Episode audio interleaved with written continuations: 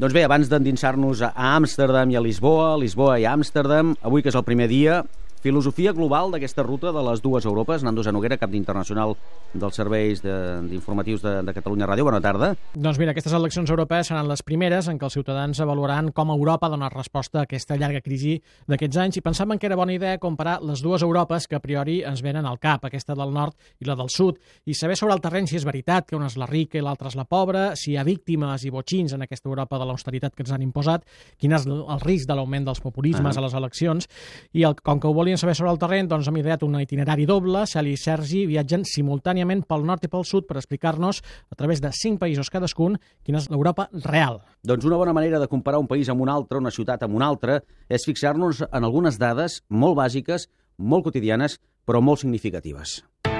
Preu d'un cafè al centre de la ciutat. A Amsterdam, 2,35 euros. A Lisboa, un euro i mig. Una barra de pa.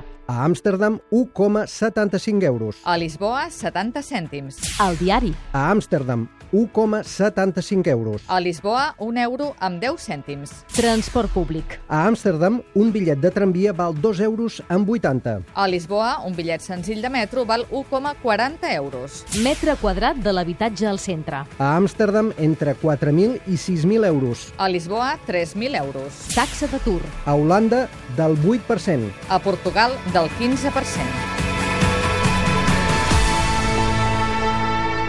Dades, preus bastant diferents a la majoria dels casos. És l'euroescepticisme i la falta de confiança en la Unió Europea el coneix holandesos i portuguesos, tot i que per raons diferents. Holanda, Cèlia, pot ser un dels països on en aquestes eleccions es vegi més clar, es visualitzi amb més claredat l'ascens del populisme. Com es noten aquests dies previs aquí, bicicletes incloses a Amsterdam? Doncs mira, Kilian, aquí a Amsterdam la idea europea té molt pocs amics. Almenys així ho hem copsat. La gent reacciona amb molta indiferència quan se li pregunta per les eleccions europees que a Holanda són el 22 de maig. Molts no saben ni què es faran. No hem vist cartells. El malestar de fet en Brussel·les està molt extès perquè no hem d'oblidar, per exemple, que Holanda, un país ric, un país fundador de la Unió Europea, ja va rebutjar en referèndum al 2005 la Constitució Europea. Ja, i la crisi ha accentuat aquesta desafecció? Exacte, ja hi era, el 2005, com deien, ja es va visualitzar, però ara els holandesos, com un dels primers contribuents nets a la Unió Europea, senten que paguen molt i que reben molt poc a canvi en un moment de crisi, d'atur alt per ells, al voltant del 8%. És un sentiment que en resumia la redactora en cap d'Economia del diari Het Financiële, Franca Rolving. Molta gent creu que l'euro no ens convé perquè veuen Grècia i pensen ells es van equivocar, no nosaltres. I veuen els bancs i pensen són ells els que es van equivocar, no no nosaltres, però són els diners del nostre govern, els nostres diners, els que se'n van als bancs, els que se'n van a Grècia, i la gent no veu que els dona Europa a canvi. Hi ha enquestes, Kilian, que han arribat a parlar d'un 40% d'holandesos a favor de retirar-se de les institucions europees i aquesta és una idea que és al carrer. Doncs els dos peus a Amsterdam, els dos també a Lisboa. Perquè aquí a Portugal, Sergi, també molt crítics amb la Unió Europea, eh? I tant, malgrat que aquí sí que hi ha cartells electorals, hi ha també molt euroescepticisme. A les europees això es traduirà en dues coses. Una enorme abstenció, d'entrada. El professor de la Universitat de Lisboa, Jorge de Sá, autor de múltiples enquestes, la situen al 60% o més i explica que pocs creuen en un projecte europeu insolidari. Las grandes conquistas están siendo atacadas, el Servicio Nacional de Salud, tendencialmente gratuito, como la enseñanza también.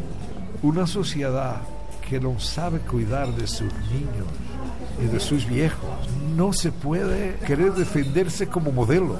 En aquest context de desconfiança amb la Unió Europea apareix a Holanda la figura del populista Gerd Wilders. De lokale partijen en ten tweede... I el seu Partit de la Llibertat, Cèlia.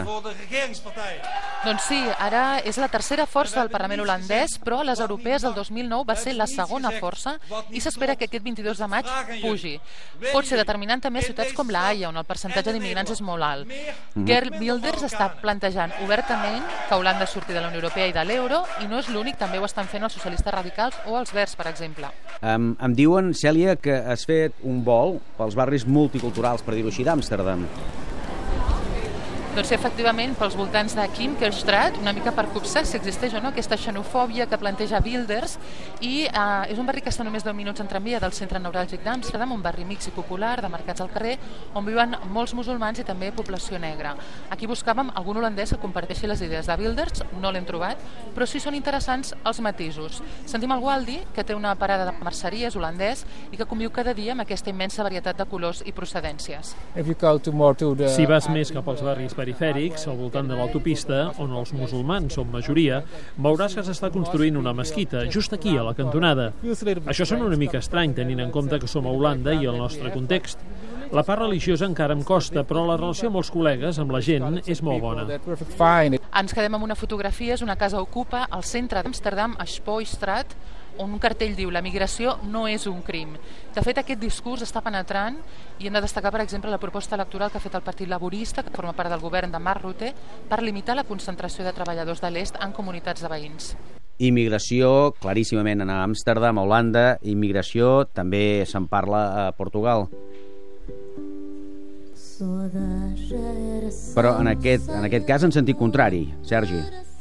Sí, eh, aquesta cançó, el fado portuguès de Deolinda, cada dia que passa agafa més pes. Que tonta que sóc, que parva, parva que sou, explica. Quin, quin món més tonto que per ser esclau es necessita estudiar, diu, per exemple. I és que no costa gaire trobar universitaris que tenen assumit que hauran de ser els nous immigrants, s'hauran de buscar la vida fora de Portugal. Al Xado parlo amb la Raquel. No, no hi ha feina. D'infermeria no hi ha feina. N'hi ha més a l'estranger, sí, sobretot a Anglaterra. Al final els portuguesos formats acaben anant a fora. I és que Sergi s'està dient que Portugal s'està empetitint, i és un país de dimensions no molt grans, però s'està empetitint en el sentit més ampli. Per què? Perquè en 3 anys s'està venent o del tot o parcialment bona part del patrimoni del país. Em quedarà amb un cos molt petit i molt fràgil.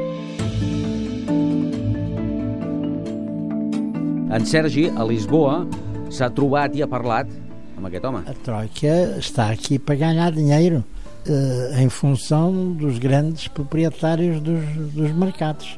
Aquells que s'hi fixen molt en les veus potser l'hauran reconegut, tot i que fa temps que no se'l sent, és Mario Soares, expresident i exprimer ministre de Portugal, tota una institució encara al país, que pronostica una nova revolució a Europa si continua estant manada pels mercats financers. Això és almenys el que li ha explicat, em deia Sergi, t'has trobat amb un Soares molt crític amb els polítics de Portugal, però també amb els de Brussel·les, eh? Sí, crític, absolutament combatiu. Als seus 89 anys continua tenint un paper actiu, una cara pública que no amaga la crítica contra el govern conservador, a vegades també contra el seu partit socialista, però sobretot contra els poders fàctics europeus. No tinc cap dubte que si Europa continua sent com és ara, una Europa dels diners i manada pels diners, hi haurà una altra revolució. Hi ha haver una nova revolució. Començant per Alemanya, no en tinc cap dubte, jo no en tinc cap. Jo no en tinc. Suárez es lamentava que ells van lluitar per aconseguir acabar amb les desigualtats i que ara això està tornant. Una cosa, Sergi, li has preguntat sobre el procés eh, aquí a Catalunya? N'ha volgut parlar d'això? Sí, diguéssim que es moria de ganes de, de parlar de Ah, la sí? seva passió per Catalunya, però sí, però quan li he tret aquest tema s'ha acabat posant més aviat a l'aixopluc de les idees d'un seu amic, Felipe González. Sobre não devo dizer nada. Sobre això no he de dir res. El que puc dir és que sento un gran amor per Catalunya. M'agrada molt. Tinc molts amics a Catalunya. Falei com muitos. Parlo molt amb ells i sé el que està passant a Catalunya. El polític espanyol més intel·ligent que hi ha hagut ha estat Felipe González, un Felipe González que diu que Espanya ha de ser un país federal.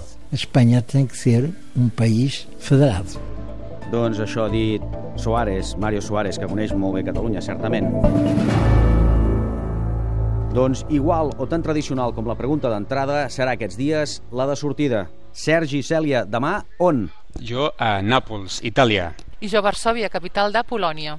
Magnífic, doncs, a no parar, que vagi bé, molts quilòmetres. Adeu. Adeu, adeu, bona tarda.